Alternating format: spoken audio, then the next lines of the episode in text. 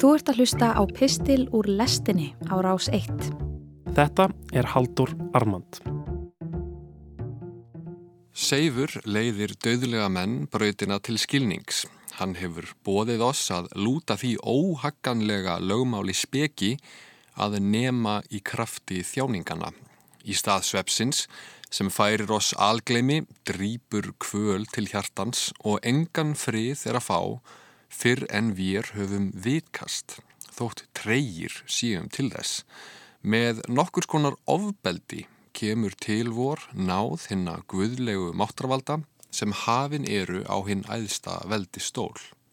Svona mælir kórin snemma í leikritinu Agamemnoni eftir forn gríska leikskaldið Æskilós. Þetta er úr þýðingu Jóns Gíslassonar á verkinu frá 1967. Agamemnon er fyrsti hlutin í þríleik sem kallaður er Óresteia og hann vann fyrstu verlun á Dionýsosar hátíðinni í Aþennu árið 458 fyrir Krist, gorki veranir minna.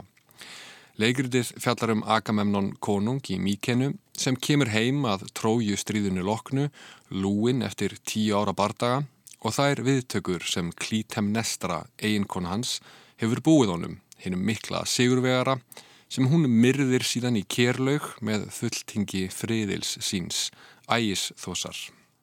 Þetta er mögnuð hugsun við vitkumst gegn vilja okkar. Við erum treg til þess og náð hinn að guðlegu máttarvalda kemur til okkar með nokkur skonar ofbeldi. Í dag hafna margir guði á þeim forsendum að sé hann til, sé engin ástæða til þess að vera púka upp á hann, svona grimman og hrikalegan skapara sem lætur svo mikla þjáningu verða til í heiminum. Þetta er hinn klassíska spurning um ílskuna, af hverju er hún til og hvaða gagni þjónar hún. Ford Grekir litu hins vegar svo á að það sé einmitt mót vindur lífsins sem beri okkur að lokum til viskunar Guðirnir sendi okkur mótlætið, okkur sjálfum til hitla, svo að segja. Þannig er viskunni þröngvað upp á okkur eins og barn er látið drekka lísi. Gjaldið sem við greiðum fyrir hana er þjáning. Við sjáum aðra nálgun á sambærilega hugsun til dæmis í 28. kapla Jópsbókar. Þar segir meðal annars að sönnu á silfrið upptökustað og gullið sem menn hreinsa fundarstað. Járn er tekið úr jörðu og steinn er brættur að eiri. Maðurinn hefur gjört enda á myrkrinu og til istu takmarka rannsakar hann steinana sem faldir eru í kolniða myrkri. Upp úr jörðinni sprettur brauð en niðri í henni er öllu umturnað eins og af eldi. Safírin finnst í grjóti jarðarinnar og gullkorn fær sá er grefur. En spekin, hvar er hana að finna og hvar á viskan heima? Engin maður þekkir veginn til hennar og hana er ekki að finna á landi lifenda. Og síðan heldur skaldið áfram. Undirdjúpið segir, í mér er hún ekki og hafið segir, ekki er hún hjá mér. Hún fæst ekki fyrir skýra gull og ekki verður silfur reitt fram sem antiverði hennar. Já, spekin, hvaðan kemur hún og hvar á viskan heima. Hún er falin augum allra þeirra er lifa og fugglum loftsins er hún hulin. Undir djúpin og dauðin segja með eirum vorum höfum mér heyrt hennar getið. Síðan fáum við loksins svarið. Guð veit veginn til hennar og hann þekkir heimkynni hennar. Því að hann sér til endi marka jarðar, lítur allt sem undir himninum er. Þá er hann ákvað þunga vindarins og ákvarðaði takmörk vassins, þá er hann sett í regninu lög og veg eldingunum, þá sá hann hana og kunngjörði hana, fjekk henni stað og rannsakaði hana einnig. Og við mannin sagði hann, sjá að óttast drottin, það er speki og að forðast ílt, það er viska. Jópsbók er eitt mikilfenglegasta harmkvæði sem um getur.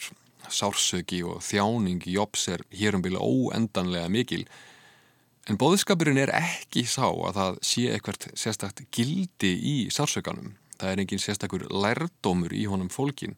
Jobb vittkast ekki gegnum sinn djúbstæða missi, sínar ólýsanlegu kvalir. Guð einn veit hvar viskan er, að óttast drottin, það er speki. Að forðast ílt, það er viska. Það er að segja, vertu réttlátur og þá öðlastu visku.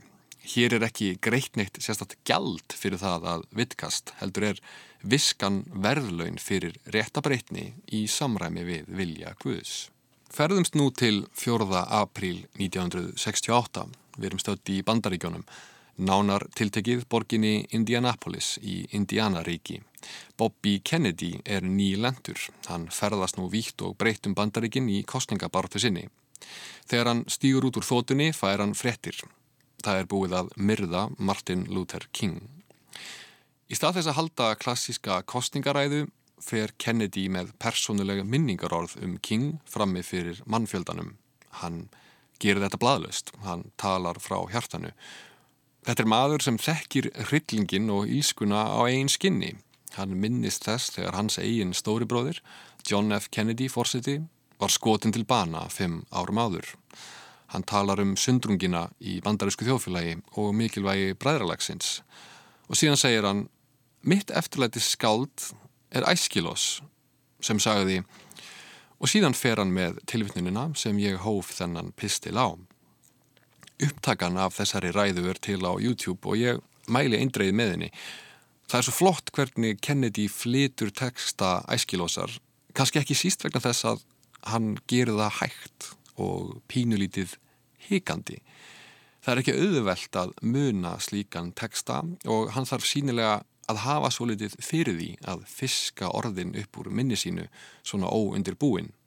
Þetta snertir mikið viðmanni, bæði vegna þess hvað maðurinn er fáaður, glæsilegur og já, vitur, gagvart svona stórkosluðum hryllingi En auðvitað líka vegna þess að maður veit að hann sjálfur verður síðan skotin til bana, alveg eins og King, tveimur mánuðum síðar. Nú geysar bannvæn faraldur og heimurinn logar enn á ný vegna óréttarins sem svartir eru beittir víðam um heim, sem og vitaskuld annar skonar óréttardis. Og ég býst við að á tímum svo mikillar olgu og óvissu sé spurningum mín þessi gamla góða. Hvar er viskuna að finna og kannski frekar af hverju líður mér eins og það sé hreinlega hallærislegt og gamaldags að spyrja svona spurninga. Ég skrifa þetta af einlægri forvitni en á öðrum stað í huga mínum sé ég sjálfa mig fyrir mér þar sem ég ránkvolfi augunum og glotti heðinislega Kanski vegna þess að ég er alin upp í markas þjóðfélaginu þar sem allt er fyrst og fremst stemning og það að pæla í einhverju alvarlegu og ósöluvænlegu eins og hugtakinu visku er fyrst og fremst lúðalegt og skrítið. En er ekki viska það sem við þurfum emitt núna? Viljum við ekki geta brugðist viturlega við því hvernig heimurinn þróast og breytist? En hvað er þá viskuna að finna? Ef við til dæmis lítum okkur nær, hvar er viskuna að finna í henni guðlausu Skandinavíu? hvar ámaður að leita hennar. Ég er ekki að segja að viska að fáist aðeins gegnum Guðstrú. En þú veist, á hvað trúum við einlega hérna? Hér er ég að meina trú í þeim skilningi hver trúum við að sé uppspretta þeirra gilda sem við lifum eftir. Ég held að það sé nokkuð ljóst að við trúum ekki á hinn kristna Guð, ekki nema svona kannski til málamynda. Er þjáning gjaldið sem við greiðum fyrir viskuna? Eða er hún verðlaun þess að óttast Guð? Hverju trúum við í raun? Trúum við á yfirmenni Nietzsches? Trúum við því að maðurinn sjálfur geti verið uppspretta sinna eigin siðferðiskilda? Eða höldum við eins og Dostoyevski að slíkt leiði bara til nýhilisma og uppspretta digðana verði að koma frá einhverju sem er okkur aðra? Trúum við því að Íslendingasögunar kenna okkur visku? Eða getur verið að við eigum engin sérstök sögur við þessu? við trúum því bara að þetta reddist einhvern veginn. Við trúum ekki lengur áneitt sérstakt, hvorki okkur sjálf, nýja einhverja æðri uppsprettu siðlegar breytni.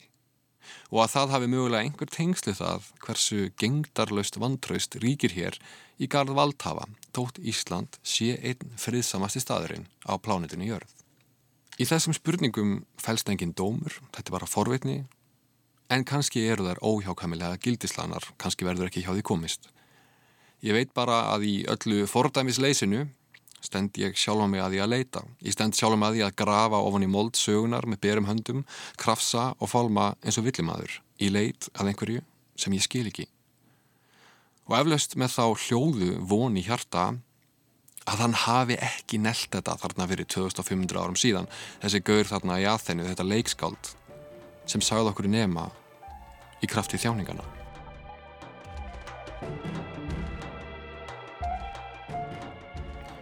Þú varst að lusta á Haldur Armand, nýr pistill frá Halduri, hljómar á hverjum þriðu degi í lestinni á rás 1. Ef þú fílaðir þennan pistil og vilt heyra meira, getur gerst áskrifandi að lestinni hér í hlaðvarpsappinu þínu.